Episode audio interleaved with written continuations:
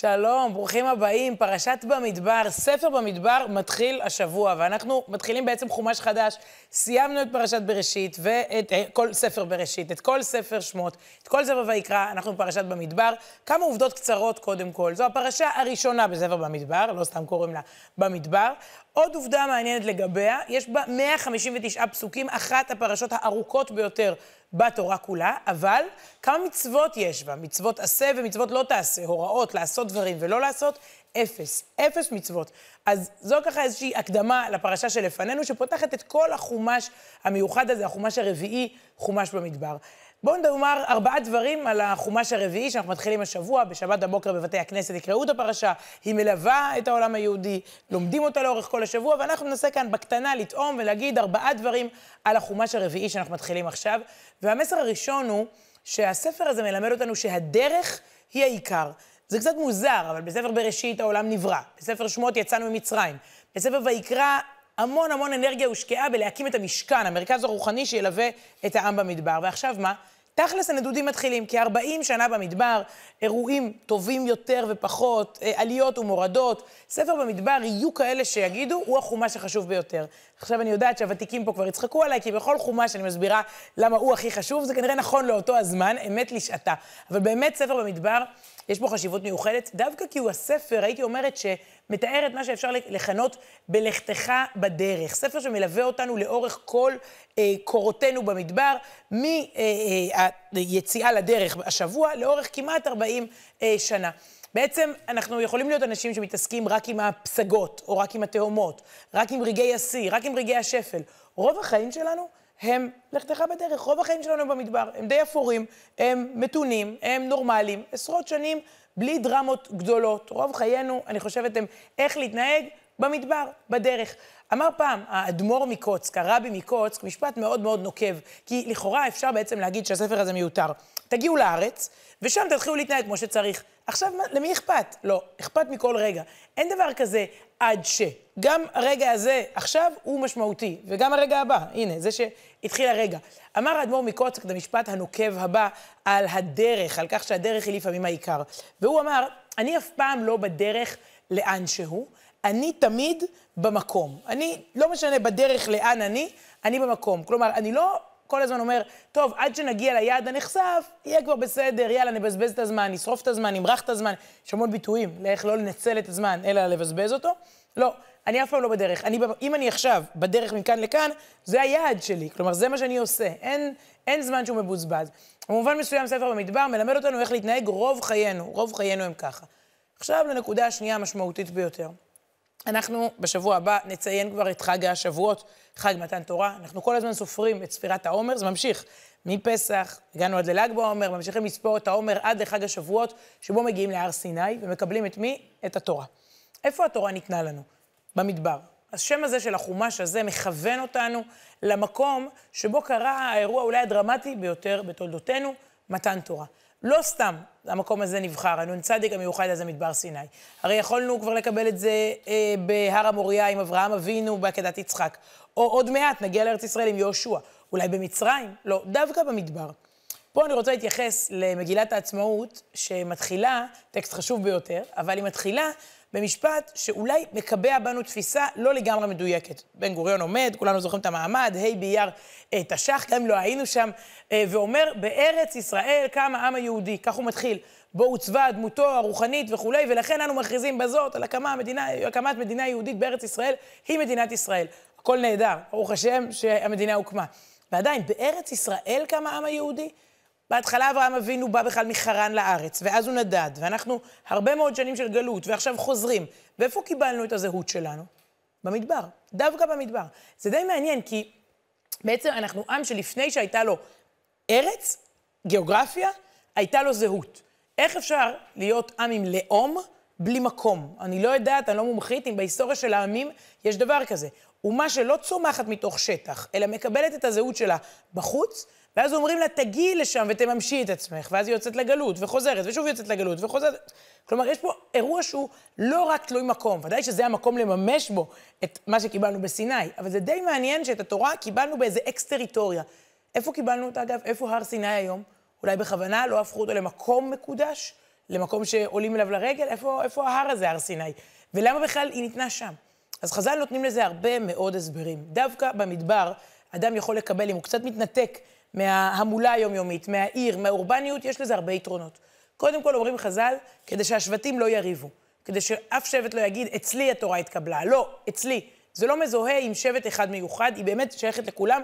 מסביב להר סיני עמדו כל השבטים. כלומר, ברגע שאנחנו יוצאים מאזור, שלי, שלך, מהורדות ידיים כאלה, ויש איזו נתינת ידיים משותפת באזור שלא, אנחנו עוזבים אותו. העיקר זה התורה, לא המקום שבו קיבלנו אותה. הר סיני לא, שוב, זה לא משהו שנוסעים אליו היום אה, להיזכר. אז יש כאן, אפשר להתמקד במסר, בלי לריב אה, אצל מי זה היה, כן? ולמי יותר שייכת, למי יותר קרובה, כי היא באמת של כולם. אה, עוד אומרים פרשנינו שהמדבר, אה, האדם מסגל איזושהי תכונה כזאת. אם אדם שם עצמו כמדבר, אז הוא יכול לקבל תורה. משהו שהוא צנוע, כן? דורכים עליו, הולכים עליו, משהו פשוט כזה, בלי... משהו מאוד מאוד מדברי. גם האזור, מסבירים פרשנינו, מאוד מאוד עוזר. לפעמים צריך להתנתק כדי להתחבר, כדי לשמוע איזשהו קול פנימי. לפעמים ההמולה היומיומית לא מאפשרת לנו, כלומר, אני חושבת לפעמים, אם היה מעמד הר סיני, עכשיו באמצע היום, במדרחוב, ירושלים, במחנה יהודה בירושלים, בשדרות רוטשילד בתל אביב, באמצע היום. צריך איזה שקט, איזושהי פניות נפשית כדי לקבל את הבשורה. והעם, כן, הוא היה בסוג של התבודדות כזאת במדבר, שם זה התאים לתת את המסר העליון הזה.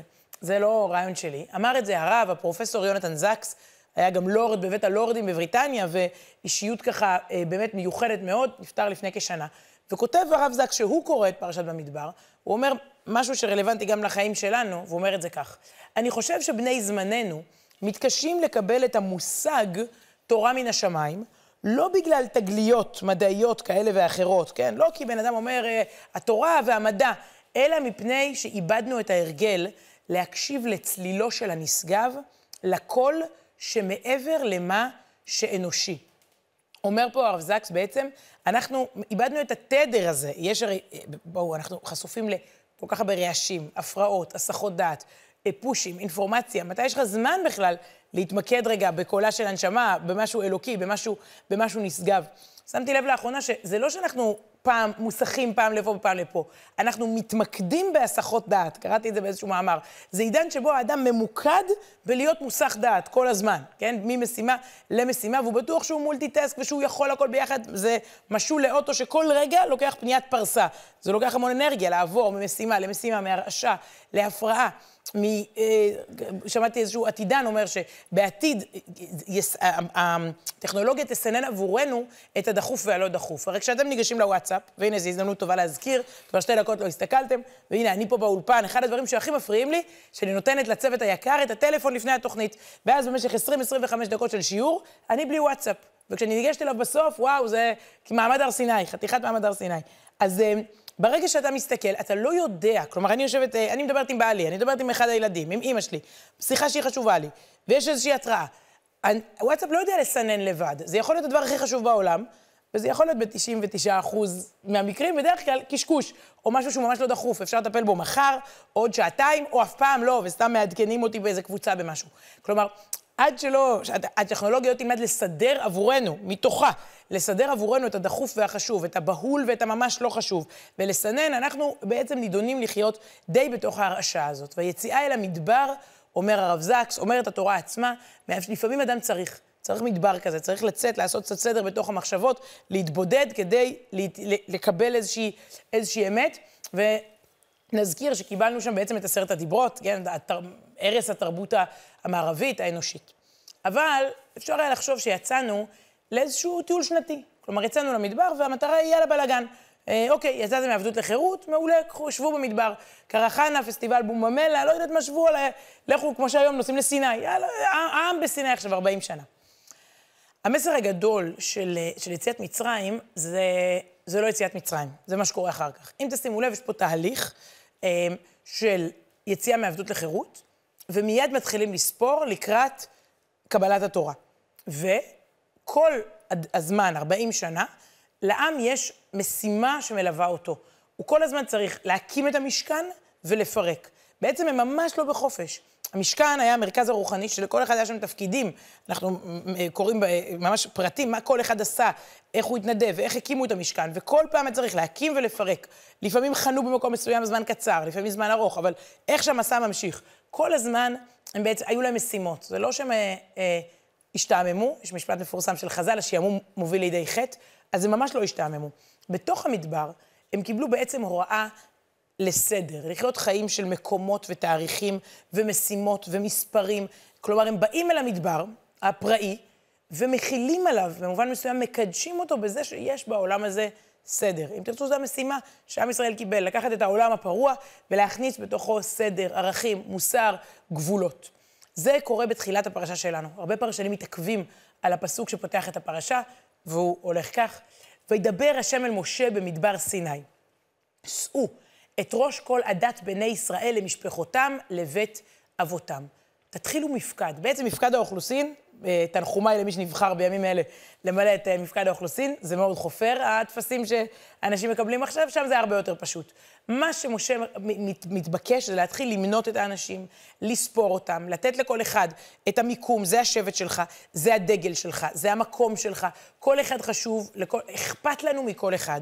אנחנו אחרי מאה, מאה עשרים, שבה אנשים הפכו לאבק אדם. זה לא משנה אם זה קומוניזם או הנאציזם, רואים, לא ראו את האינדיבידואל, לא ראו, לא ראו את הפרט. וכאן מתחיל מפקד שבו כל אחד חשוב, כל נשמה יקרה. המילים האלה, שאו את ראש, המשמעות זה גם להרים את הראש, כן? שאו, להרים את הראש. תרימו את הראש, יש לכם משימה משותפת, יצאתם מעבדות לחירות, אתם מקבלים את עשרת הדיבור, קדימה, תתרוממו מעל הקושי הנוכחי, מעל המצב היומיומי. יש פה איזה רוח, וכולנו בעצם יוצאים לדרך. כך שספר במדבר מתחיל בזה שאנחנו סופרים את כולם ומגיעים לתוצאה, 600 ומשהו אלף איש, אבל בעצם, אולי יש פה כאלה ערניים ששמו לב שכבר היה מפקד, כבר ספרו אותנו. עוד פעם מספרי ברזל להתפקד, כשיצאנו ממצרים ספרו אותנו. אחרי חטא העגל, עוד הפעם. עכשיו שוב פעם. מה הסיבה? למה לעצור ולספור עוד פעם את כולם, פחות או יותר אותו, אותו מספר? מה, מה זה משנה? רש"י, פרשן העל של התורה, נותן לנו פה מפתח גדול בכלל ליחסים, לקשר. הוא אומר כך, מתוך חיבתן לפניו, מונה אותם כל שעה. הקדוש ברוך הוא אוהב את עם ישראל, מתוך החיבה שלו, הוא רוצה למנות אותם עוד פעם, לספור. סליחה, וזה מזכיר לי, הבת שלי, כשהיה לה אוסף אה, מכתביות כזה, היה לו קיטי, LOL, מכירים את ה... אז היא יכולה 200 פעם לספור, כמה מדבקות יש לה, וכמה כוסות, וכמה קשים, וכמה כל מיני אוספים מוזרים של ילדים, מכתביות, מעטפות, אה, כל מיני... אה, כשאוהבים סופרים, ואז סופרים עוד פעם, ועוד פעם סופרים את האוסף שלך. כי יש לנו אוצר. בעצם זו התחושה, שהעם הוא אוצר, והקדוש ברוך הוא לצאת, רוצה לתת תשומת לב לכל אחד מהחלקים היקרים והאהובים. זה מעניין שזה ביטוי עד היום, לא סופרים אותי. כאילו, שומע, אנחנו שומעים את זה, אנשים מרגישים, לא סופרים אותי. אם זה ילד או נער, או מבוגר, או קשיש, כל מיני מגזרים, זה די מעניין. יצא לי בשבוע אחד פעם להרצות במקומות מאוד מאוד שונים. ציבור חרדי, אה, ציבור ערבי, אה, ציבור חילוני, ושמתי לב שכולם מרגישים שהם המיעוט הנרדף. כל מגזר מסביר לך שאותו רומסים. אה, זה יכול להיות אם אתה מדבר עם העצמאים, לא סופרים אותי. המורים, לא סופרים. אבל רגע, אתם עצמאים ולכם יש ארגון מורים. לא סופרים אותי. ההורים, הקשישים, זה לא משנה, הנוער, הסטודנטים, החיילים, הבחורי ישיבות, וה... לא סופרים אותי. עכשיו, זה, זה דבר מאוד חשוב, לתת לבן אדם תחושה שהוא נוכח. אלוקים מונה אותנו עוד פעם ועוד פעם לא כי הוא לא יודע את המספר שלנו, בוא, הוא גם כבר ספר, וגם הוא יכול לדעת לבד, וגם אולי זה לא כך משנה. מתוך חיבה. מה זה חיבה? זה רצון לתת יחס לכל אחד. שלכל אחד תהיה תחושה שהוא חשוב. אתה לא עוד מספר בסטטיסטיקה, אתה אישיות, יש לך מקום, יש לך נוכחות, סופרים אותך. ככה ספר במדבר מתחיל, ככה יוצאים לדרך, כשכל פרט חשוב. זה מזכיר לי סיפור מקסים ששמעתי פעם מהרב ברל ויין, רב אמריקאי שלאחרונה עשה עלייה. סיפור שהוא נוהג לספר. הוא אמר שפעם בעיירה קטנה במזרח אירופה התגוררו עשר משפחות בלבד, משפחות יהודיות, בכל משפחה היה גבר אחד מבוגר עבור מניין. כלומר, יש לנו בכל העיירה עשרה גברים בסך הכל. מדי יום ביומו כולם הגיעו להתפלל יחד בבית הכנסת, להתכנס כדי שיהיה מניין, שיהיה עשרה בשביל תפילה. בגלל שהייתה מחויבות גדולה לכל אחד. אז גם אם מישהו היה קצת עייף או קצת חלש, הוא צריך היה להתגבר על הקושי ולבוא להתפלל, בלעדיו אין מניין. כל אחד הבין שהכל תלוי בו. עליו הכל יקום וייפול. באחד הימים נערכה חגיגה. משפחה יהודית חדשה הצטרפה לעיירה. כבר בבוקר המחרת, המניין לא התכנס. לא היו עשרה. כל אחד הרגיש פחות אחריות. כל אחד פטר את עצמו מהמשימה, הוריד את זה מהכתפיים שלו, והבין שיסתדרו גם בלעדיי, כבר יש כבר יותר מעשרה. הרב ברלוואן מספר את הסיפור הזה, גם עבור העם היהודי, שהוא תמיד מיעוט, אבל גם, אני חושבת שתמיד אנחנו, גם, אה, אה, אנחנו תמיד מספר קטן, אבל גם כדי להטיל אחריות. אם אנחנו חלק מקבוצה קטנה, לא משנה איפה בחיים, כל אחד צריך להרגיש שהכל תלוי בו. ופרשת במדבר באמת מציגה בפנינו את המפקד הזה שבו סופרים את כולם. אה, יש לך השפעה, אתה, אתה חשוב, אכפת לנו ממך, גם אם זה נראה שהיום מסתכלים על אנשים כאוסף של לייקים, או אוסף של פתקים בקלפי, אתה חשוב. וככה, זה המסר שבו פה פרשת במדבר מתחילה, על כמה כל נשמה יקרה, כמה כל אחד הוא יקר. אני רוצה לדבר על נשמה יקרה אחת כזאת, ולפעמים, לצערנו, אחרי שאנשים נפטרים, אנחנו נזכרים בגדלותם אה, ובשליחותם הגדולה בעולם הזה, ואז פתאום סופרים אותם. ואני מדברת על נועם רז, זיכרונו לברכה, לוחם ימ"מ הוותיק שנהרג בג'נין אה, ובפעולה, ביחידת מחבלים, אחרי מאות פעולות אה, נועזות לאורך השנים, שבהן הוא באמת חיסל ועשה ולכד וסיכל בוא נגיד שאנחנו ישנו בשקט בלילה בתל אביב ובירושלים, ולא בדיוק ידענו שהוא לא ישן באותו לילה, ובאמת שנים לא ידעו. אה, אנחנו, שוב, אה, אה, חיים סלב, סלבריטיז אחרים, אושיות אחרות, דמויות אחרות, אנחנו לא אנשי הדממה, הם בדרך כלל פשוט אנשי הדממה. אני חושבת שאחרי פטירתו, הרז התגלה, ואולי לא סתם נועם שינה את שמו מרוזנברג לרז. אמרו לי החברים שלו שזה זה, זה מאוד מתאים, להיות איש כזה של רז. אה, כששאלו אותו ככה במה הוא עובד, הוא אף פעם לא השוויץ. הוא אמר, אני נהג אמבולנס. אגב, זה היה נכון, הוא היה מתנדב אה, של אה, מד"א, והוא באמת היה נהג אמבולנס, על הדרך. וזה מצוין להיות נהג אמבולנס, אבל הוא לא יגיד, אני לוחם ימ"מ בכיר וכולי. ולכן, אני רוצה לראות רגע אחד קטן, שבו הוקירו תודה והצדיעו לנועם רז ולמשפחתו, במעמד יוצא דופן, אחרי ההלוויה בהר הרצל, עמדו לאורך כל הדרך עד לביתו. אה, מאות ואולי אפילו אלפי אנשים, גברים, נשים וטף, עם דגלי ישראל או עם שלטים בשקט, אה, בדממה, באיזשהו מעמד של הצדעה. אני יודעת, מתוך הרכב אמרו לי בני המשפחה כמה זה חיזק וריגש אותם, ועזרי טובי העלה רחפן כדי ללכוד את הרגעים המיוחדים האלה, את הפרידה מנועם רז, את מסע ההצדעה הזה. הנה.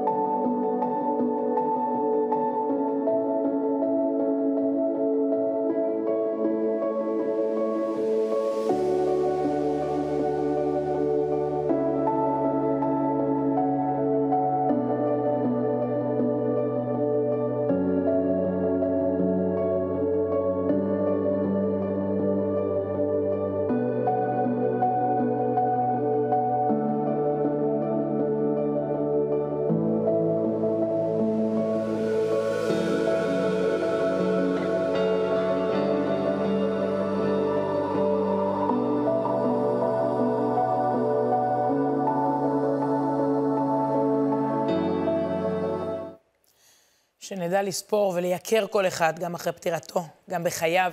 הרבה פרשנים אומרים שזה העניין של פרשת במדבר, כי אחר כך מתחיל מפקד ארוך וספירה ארוך, ארוכה של אנשים. הנה לדוגמה, משפט מתוך הספר נתיבות שלום, שנכתב בדורנו, וכך אומר האדמו"ר שכתב את הספר נתיבות שלום, וזה עניין הנצחיות של פרשת במדבר. זו הרי פרשה נצחית, נכון? הנה, אנחנו קוראים אותה אחרי אלפי שנים. זה עניין הנצחיות של פרשת במדבר. שיש בה כוונות עליונות מאוד, הקשורות לנצחיות כלל ישראל, שלכל אחד ייעוד וצורך משלו, וזה סוד חייו של האדם, לגלות ולדעת מהי שליחותו בעולם. כלומר, המפקד הזה הוא כבר מזמן הוא מפקד טכני, בואו נספור ונדע כמה הם, אלא בואו נדע מי הם, איפה כל אחד ממוקם, מה הדגל, מה השבט שלו, לאן הוא מתקדם, מה התפקיד שלו בתוך המערך הכולל הזה של האומה, אה, וזה באמת פרשה שמזכירה לנו את הצורך לדעת מי ומה אתה ומה השליחות שלך. נקודה הרביעית, אמרנו, ארבע נקודות על הספר הרביעי, ספר במדבר, היא בסוף קצת יותר מעשית ותכלס. עם מי אתה מסתובב? מי השכן שלך? או אחרי מי אתה עוקב היום ברשתות החברתיות? ואני אסביר. בתחילת הספר, התורה מתארת איך כל השבטים מסתדרים מסביב למשכן. אה, שוב, לכאורה תיאור טכני, בסוף בתורה שום דבר לא טכני, כל דבר הוא גם עם איזושהי משמעות. אז יש שם יחסים של שכנות, יחסים של חברות. אה, זה מאוד משנה מי יושב ליד מי. אז השבטים יהודה, יששכר וזבולון, הם חנו בסמוך למשה ואהרון. משה ואהרון, המנהיגים של העם, ולכן אותם שבטים הפכו לאנשים יותר טובים, יותר למדנים, יותר צדיקים, יותר פשוט יותר, כי הם היו שכנים של משה ואהרון. לעומת זאת, שבט ראובן, חנה דווקא ליד משפחת הקהתי. זאת משפחה שממנה יצא קורח. אנחנו עוד נגיע בשבועות הקרובים למרד הגדול של קורח נגד משה, משהו נקרא מחלוקת לא לשם שמיים, מחלוקת שהסתיימה בטרגדיה, ולכן אותו שבט פשוט אה, הידרדר אה, והיה פחות, גרסה פחות מוצלחת מאלה שידעו אה, אה, להיות השכנים של משה ואהרון. רש"י חוזר ומזכיר לנו את הלקח, הוא מנתח בעצם את המבנה של השבטים, את איך השכונה הזאת מאורגנת, והוא אומר כך, טוב לצדיק וטוב לשכנו. כלומר, כשאת, כאשר אתה נדבק באנשים טובים, כאשר אתה מחפש להתקרב אליהם, להסתובב איתם, זה יכול להיות החבר'ה הטובים בכיתה או בעבודה, או להיות אתה החבר'ה הטובים שרוצים להיות איתם, טוב לצדיק וטוב לשכנו. זה משפיע. אבל רש"י ממשיך בפרשה שלנו בעוד ארבע מילים נוקבות. אוי לרשע ואוי לשכנו. כלומר, אם באת להיות שכן של רשע, אה, שים לב. אה, בגדול רש"י אומר השפעה סביבתית, או מה שנקרא לחץ חברתי. אגב, לא רק בגיל הנעורים, גם בגיל מבוגר. מי שהקבוצת התייחסות שלך, אה, מי שאכפת לך מה הוא אומר, מי שאתה בוחר אה, להתחבר איתו ברמה היומיומית, בסוף, בסופו של דבר הוא מעצב אותך, הוא משפיע. בסוף כל אחד יש, לו, יש לנו את אה, מי שאכפת לנו ממנו, נכון? בסוף הוא זה שמחנך אותי. כלומר, אם, אני שמה לב לזה אצל הרבה מאוד אנשים. קורה להם משהו בחיים. מי אכפת לי מה הוא יגיד על זה? כן? עכשיו, זה משפיע לדורות, אנחנו רואים מהפרשה, זה לא רק משפיע עליך, איזה סגנון של בן אדם אתה תהיה. כל הגורל המשפחתי, כל הצאצאים, זה יכול לגרום טרגדיות. חלק מהצאצאים שם הלכו לתוך המחלוקת של קורח ו- ו- ולא בחיים, וחלק מהצאצאים נדבקו במשה ואהרון וזכו למלוכה ולכהונה, ול... כלומר, זה לא שכן במובן הפיזי, אני חושבת שבעיקר היום, מי רואה את השכן הפיזי, איפה אתה, אנשים לא מזהים אחד את השני במעלית, ואף אחד לא יודע מי גר לידו, זה לא כמו פעם שגרו בחמולות ככה, שכן בתודעה. שכן זה יכול להיות מי שאני עוקב אחריו. אם הוא איתי בקבוצת וואטסאפ וכל יום חופר לי בקבוצה, אם אני עוקב אחריו בפייסבוק או באינסטגרם או בטיקטוק או בטוויטר ואני אחריו, זה נכנס לי עמוק עמוק לנשמה. אם זה לטוב ואם זה לרע. אז טוב לצדיק וטוב לשכנו, אוי לרשע ואוי לשכנו, זה ממש ממש בתוך הפיד. פעם היו אומרים, אדם הוא תבנית נוף מולדתו, זה צ'רניחובסקי אמר. היום צריך להגיד, אדם הוא תבנית נוף הפיד שלו. בסוף מי שאתה עוקב אחריו, זה מה שאתה מסניף לתוך התודעה, תבדקו אחרי מי אתם עוקבים, כי בסוף זה מה שמעצב אותך, לשם אתה בסוף שואף. זה ככה אה, עוד מסר קטן מפרשת במדבר. טעמנו, אמרתי, פרשה ארוכה, הרבה מסרים, אבל ננסה לסכם, ואנחנו ככה יוצאים לדרך, לתוך המסע של 40 שנה במדבר. אמרנו קודם כל שהדרך היא העיקר. כלומר, אל תגידו לי, אני עד שנגמור את התואר, עד שנתחתן, עד שנגמור את המשכנתה. החיים זה עכשיו, מה שקורה עכשיו, הדרך, רוב החיים זה המדבר. דבר שני, מדי פעם צריך לצאת למדבר. התורה ניתנה במדבר, זו תזכורת כמה חשוב כן לפעמים לצאת מה... אמ, אגב, יש לנו חתיכת מדבר עכשיו, שבת שמגיע, אבל כמה חשוב לצאת מהמהומה היומיומית ולקחת איזו מדבריות קצת, להתבודד ולהתרכז. ועם זאת, בתוך המדבר, בתוך השנטי, עם ישראל עושה סדר, הוא עושה מפקד, הוא סופר כל אחד, לכל אחד יש תפקיד, לכל אחד יש שליחות. אין זמן מת. ובסוף בסוף זה מאוד מאוד חשוב ליד מי אתה נמצא. גם במדבר וגם בישראל 2022, אחרי מי אתה עוקב, מי ההשפעה החברתית שלך, בסוף זה משפיע על מי אתה, ואפילו מי הדורות הבאים שלך. עד כאן כמה נקודות למחשבה מפרשת במדבר. שימו לב, שבוע הבא מתכוננים פה לחג השבועות לקראת מתן תורה. להתראות, שבת שלום.